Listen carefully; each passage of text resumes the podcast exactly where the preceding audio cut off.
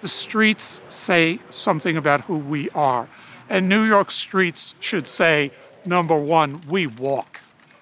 You know, number two, we take transit and we bike and we eat and we enjoy and we like music and all the other things. We dance in the streets. That's Sam Schwartz, a lifelong New Yorker and transit guru who's known around these parts as Gridlock Sam. The word gridlock came about during the 1980 transit strike, at least publicly. I was an assistant DOT commissioner at the time. So I put this thing called gridlock, two words, gridlock prevention plan. And when City Hall saw that, they said, We don't know what gridlock is. Let's get the guy who knows what it is to prevent it. And so gridlock has been associated with me ever since. So I released it to the lexicon. We had a socially distanced, fully masked meetup with Sam over the summer to take a look at how New York City streets were opening up to people, not just cars, in response to COVID 19.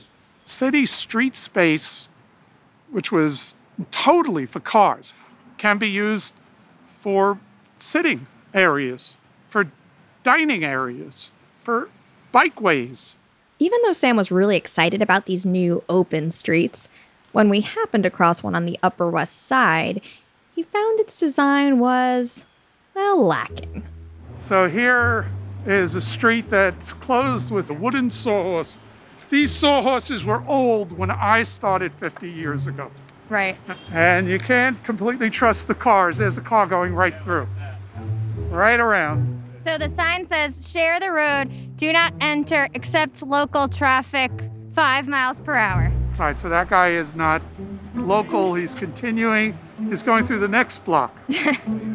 Pedestrians be damned. Dog walkers be damned. This person, too. Barely slowing down. And there could be children playing. There could be somebody dotting out. And absolutely no concern. And that person was not going five miles an hour, was doing about 15 on it. Just to get to a red light. Yeah. Yeah, and, and, and, and going through the red light. Went through the red light. We're handing out tickets left and right here. Our imaginary tickets. Yeah, I thought those were the good days when I was doing it. Even though Sam wanted to give a lot of tickets to this particular driver, he insists that he's not about taking away streets from cars completely. I'm not anti car. I want to say balanced transportation. I also want to say cars in urban areas go very slowly. Nowadays, we're killing pedestrians at an alarming rate. So we need a balance. The cars have to go slower. And how do the cars go slower? Not by just putting up speed limit signs. That doesn't do it. Because you don't have a cop everywhere, you don't have a camera everywhere. You need to do it through design.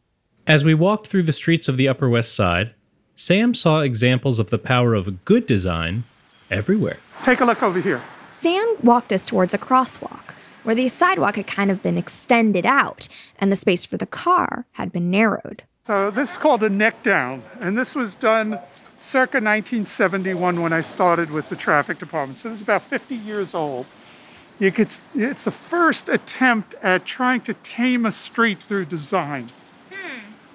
And you could see the traffic has to go more slowly. Nobody can go around them Right. as, as they go through. The pedestrian has only about 15 feet to cross as opposed to 30 feet Right. to cross. So the pedestrian's exposure is a lot less over here. Here- Here we see a father with the child in the stroller, and within four seconds he crossed the street, Right. as opposed to it would have been eight seconds. Yeah. Four extra seconds, multiply it by eight million people crossing, and you increase the probability of crashes. If Sam were in charge again, he has some ideas for how he'd transform the streets of today into the safer, more flexible, more responsive streets of the future. We should use our streets in a smart way temporally. We should think of the street of the future as one that does change during the day, during the day of the week, during the season, and we should use some technology and human power combined to make it happen. We can do almost anything technologically. These are the 2020s. Welcome to City of the Future, a podcast from Sidewalk Labs. Each episode, we explore ideas and innovations that could transform our cities. We're your hosts. I'm Vanessa Quirk. And I'm Eric Jaffe. And in this episode, we're talking about an idea that could allow one of our most precious public spaces to serve the needs of everyone. Flexible streets.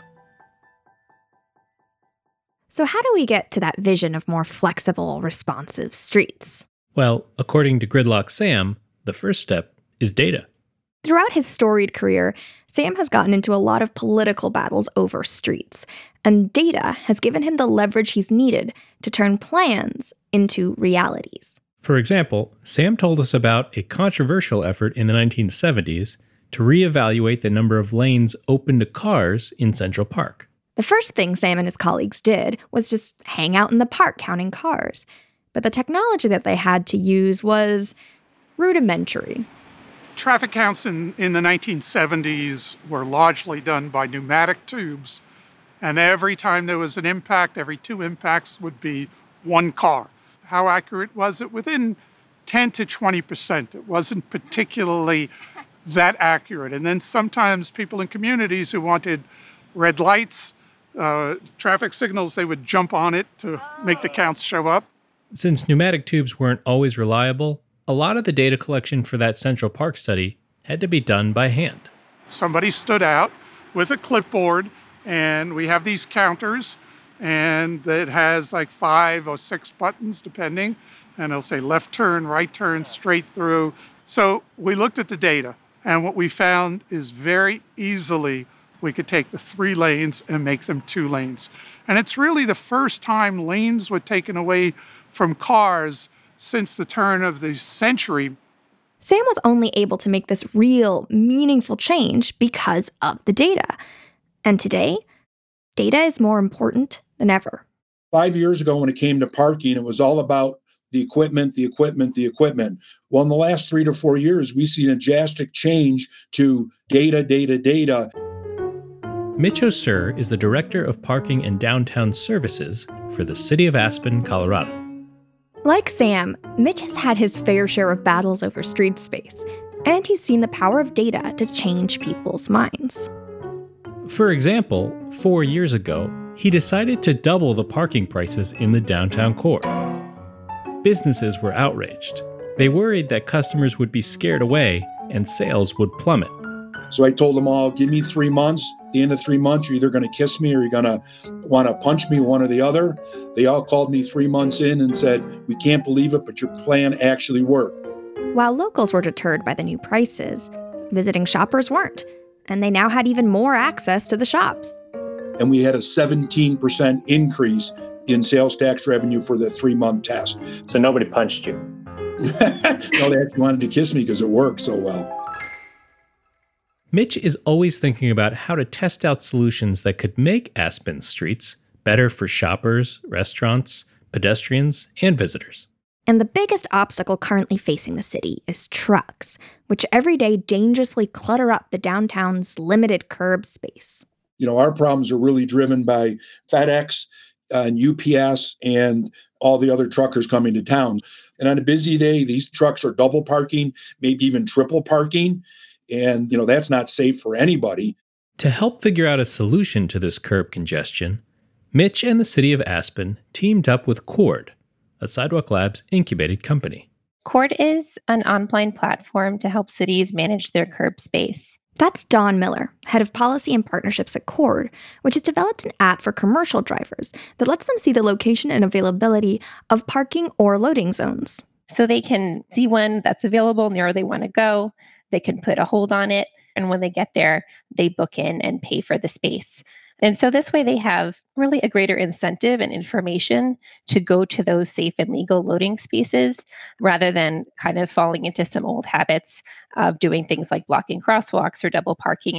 The app doesn't just benefit drivers, it helps cities get more information about what's happening at their curbs. I want to know the length of stay. How long are these trucks staying? Are they staying for 15 minutes? Are they staying for two hours? What time of day are they coming? So we're really excited to learn how this works so we can make decisions on how our loading zone should be moving forward. This information could give Aspen some ideas for pilots so they can figure out what policy decisions might be best for the city. And the less expensive the pilot, the better. I'm a big believer in experimenting before you either spend a lot of money or do something else. So let's do it inexpensively, give it a shot. You'll know within 90 days whether it works or not, and then you can go ahead the next year and put it in. So that's kind of the position we're in. Due to COVID, Don is seeing that cities are much more open to these kinds of experimentations, and not just for their curbs, but their entire streets. What I think we've all seen out of COVID times is that they've opened up people's imaginations that a street doesn't have to be parallel parking or angled parking on each side. They can be a lot more. And I think a lot of the transportation community has wanted to do a lot of different things for a long time, but it was politically very difficult to get people to accept new ideas. Hopefully, a lot of cities are like Aspen, where they want to keep some of these new things and that it then going forward makes them more open to trying different things because we tried something in an emergency and and hey it actually was really cool yeah i'll, I'll second what don just said i think that in aspen in particular the covid experience has really opened people's eyes and just you know this winter we're thinking about actually grooming some of the streets so that people can cross country ski on some of the roads around town um, things that again last year never would have been, been part of a conversation Ski lanes! That sounds like an amazing way to use the streets in Aspen. I love it. It's not that easy, though, for every city to do pilots like this. Aspen has access to affordable technology through their partnership with Coord, but in general, it can be really expensive for cities to collect accurate street data. Mm, it's certainly a pain point, which is why some of the folks at Sidewalk have been working on a solution. My name's Nick Jonas. I'm a creative technologist at Sidewalk Labs. Cool. And I, I hate to ask this question, Nick. You're not the Nick Jonas of Nick Jonas Oh, fame. yeah, yeah. I'm so sorry. It's- I have to uh, ask no, it. we Can can- you clarify? I can clarify, I am not that one. I'm not in a uh, in a boy band. Yeah. Nick is part of a band of folks who've been working on a new vehicle occupancy sensor. They call it Pebble. It's basically a magnetometer and a optical infrared sensor that basically it detects a shift in the magnetic field as a car drives over it. Right. And, but I um, mean, so I don't know what a magnetometer or an infrared thing looks like, but what I'm what it, Yeah. it- to me it just looks like a piece of plastic. It's a piece of plastic. Right. Yeah. I mean, some people call it a, a puck. It's a, Yeah, a like round puck. plastic housing for the sensor. So if I put my hand over it, waving it around, I'm disrupting its infrared light stuff. going on? Not so not quite. Okay. Um, so the way it works is um, it needs a it needs a big piece of metal like a car Oh, to okay. disrupt the magnetic field. Nick explained that it's the magnetometer that turns on the higher powered infrared optical sensor, which is what lets the app know that something is there. So, because I am not made of metal, I don't disrupt the magnetic field, and hence I do not trigger the sensor. Right. And so I'm guessing that if Pebble can only detect whether or not a vehicle is present, that means it can't pick up any identifiable information, right? Yeah, it was designed with privacy in mind. But the main selling point for Pebble is that they are affordable. And a big part of that is how easy they are to install. What used to require construction crews opening up streets is now easy enough for Nick and I to do in just a couple of minutes. I am uh, just peeling off the plastic of this goopy, basically a sticker that we'll use to just stick it to the ground, I got it. Got it. and then you just step on it to apply some pressure. No. There you go. Now it's not going anywhere. All right, and then yeah, you'll see in the app. There it oh, is. Oh, there he is. It is healthy and connected. Woo! Welcome to the world, little pebble.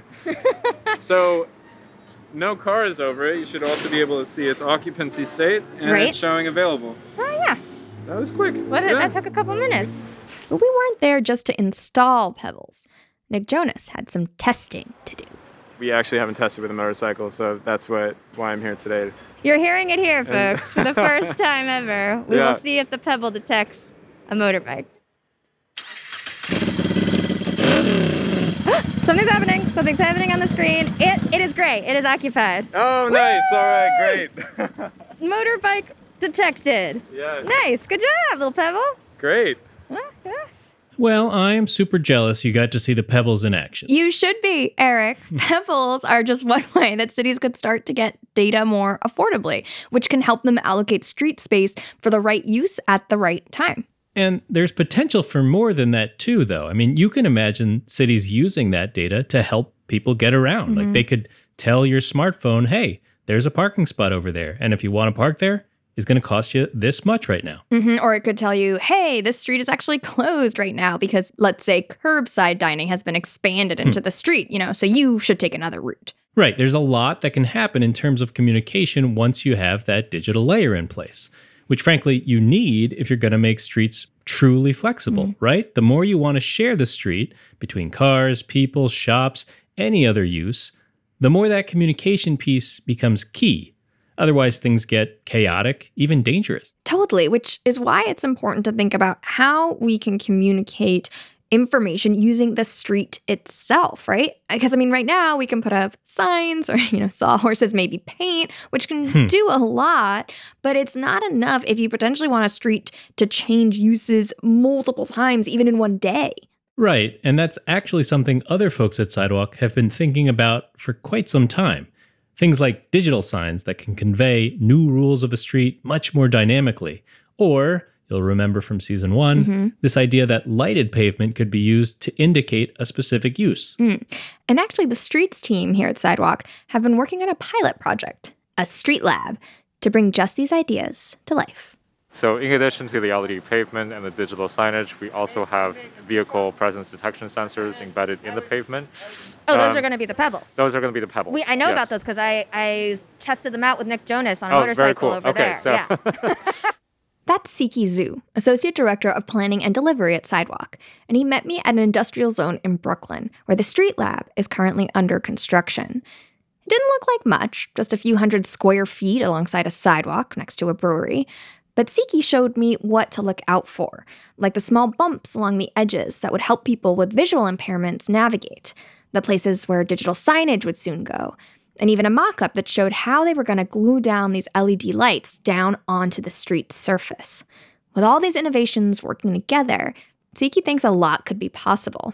And Eric, I am going to take you through these innovations. I'm going to take you through a hmm. day in the near future of the street lab. Are you ready? I can't wait. I'm ready for this future. Let's go. Okay, so it's 9 a.m., sometime spring 2021. It's a, it's a beautiful hypothetical day.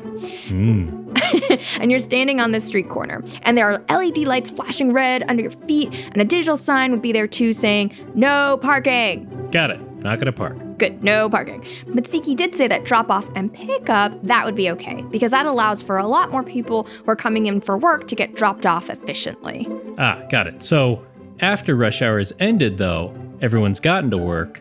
I'd imagine the sign changes. Correct, right. The lights under your feet would then turn green, maybe, and the sign would say, you know, come on over, you can park here.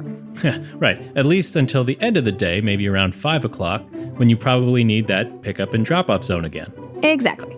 All right, so what's after that? So Siki and the team are actually imagining something pretty fun. around evenings, after the sort of peak pickup and drop off has occurred, we imagine making the space available for adjacent businesses to take over as outdoor seating, dining space. Right, because I mean, I mean, I see this brewery right here has tables and chairs out already on the Exactly. sidewalk. So you could imagine once this extends out and the signage says, "Hey, no parking here right now," or for the next few hours, and the lights are like, "No parking here," then this could become more outdoor dining space. Yep, exactly. It sounds great, but it also sounds like a lot to ask of cities. I mean, this is a bigger infrastructure lift than just sticking down a pebble, right? Will cities make that shift? I mean, I think they will. Think about what we've learned in our conversations, not just with Sam, but with Mitch and Don, right? Because of COVID, cities and streets are already shifting in this direction. This place looks really different. How so? I see people walking down the middle of the street without having cars behind them honking their horn. That's unusual for Doyers Street. That's fan favorite sidewalker Willa Ng. You might remember her from season one, episode three, on adaptive traffic lights. Of course, you remember Willa.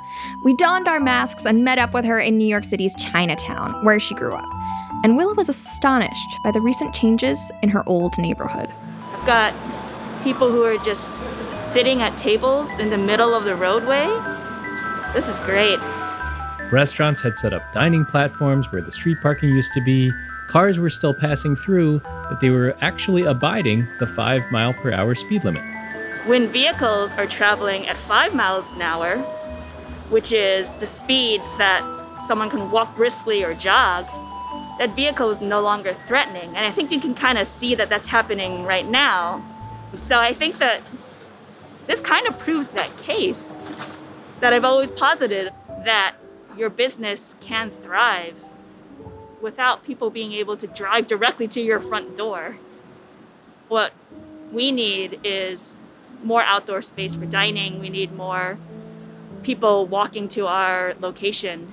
I hope that that's what sticks in the mind of these business owners. You know, historically, the Chinese restaurant owners have been really resistant to getting rid of parking. Oh yeah, like if we had said this like a like a year ago that this was going to be the, the happening here on the street, we would have been like, no way, No never going to happen. Yeah. And yet here we are.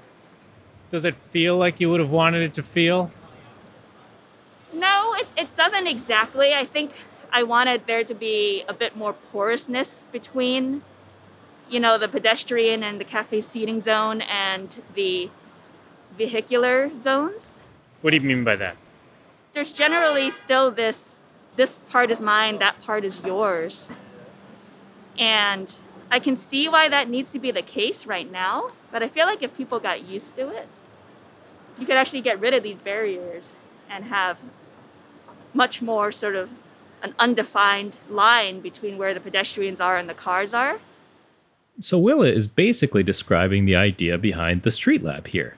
Yeah, and like Siki told me, you know, the whole goal of the lights, the digital signs, the pieces of the street lab is just to make streets like these just feel more comfortable for everybody so they can feel like they really belong to everyone. we can really kind of reset the balance between the pedestrian and vehicular nature of the street with a system like this. And that's the aspiration anyway. I do think this flexibility opens up the possibilities for sharing the space more equitably. This moment is clearly an opportunity to get to that vision of a more equitably shared street. But a lot's going to have to happen before we can get there. Right. We need street design that encourages drivers to slow down and share the road. We need sensors so we understand what's happening at the street level, who needs what when. We need some sort of digital layer to help cities make sense of that data and make decisions and rules. And then we need some physical infrastructure so the street itself can interface with people and let them know, you know, hey, this street is actually for parking right now, hmm. or unloading trucks, or eating, or dancing, or skiing, or whatever. It's definitely a lot, but it's also exactly what cities need to be working toward. Yeah, and actually, Eric, there is one more thing, and it's probably the most important one. You know, as our colleague Willa likes to point out, what we really need is to come together and agree that a shared street is what we want for the future of our cities. I think that we have to agree to the premise that the street is to be shared first. I think that that's sort of the number one battle is to say, A, we have this amount of concrete and asphalt, and instead of it being segregated into here's where the pedestrians are, here's where the cars are, here's where the parking is, that we're much more fluid with all of it, and that we should be allocating space to whoever needs it the most at the time, then allocate that space fairly and not just to whoever has the loudest voice. Thank you for listening to City of the Future, a podcast from Sidewalk Labs. Your hosts are Vanessa Quirk and me, Eric Jaffe. We're produced by Benjamin Walker and Andrew Calloway. Mix is by Zach McNees. Our music is composed by Adam James Levine Arity. If you want to hear more of his work, check out his band Lost Amsterdam at amsterdamlost.com.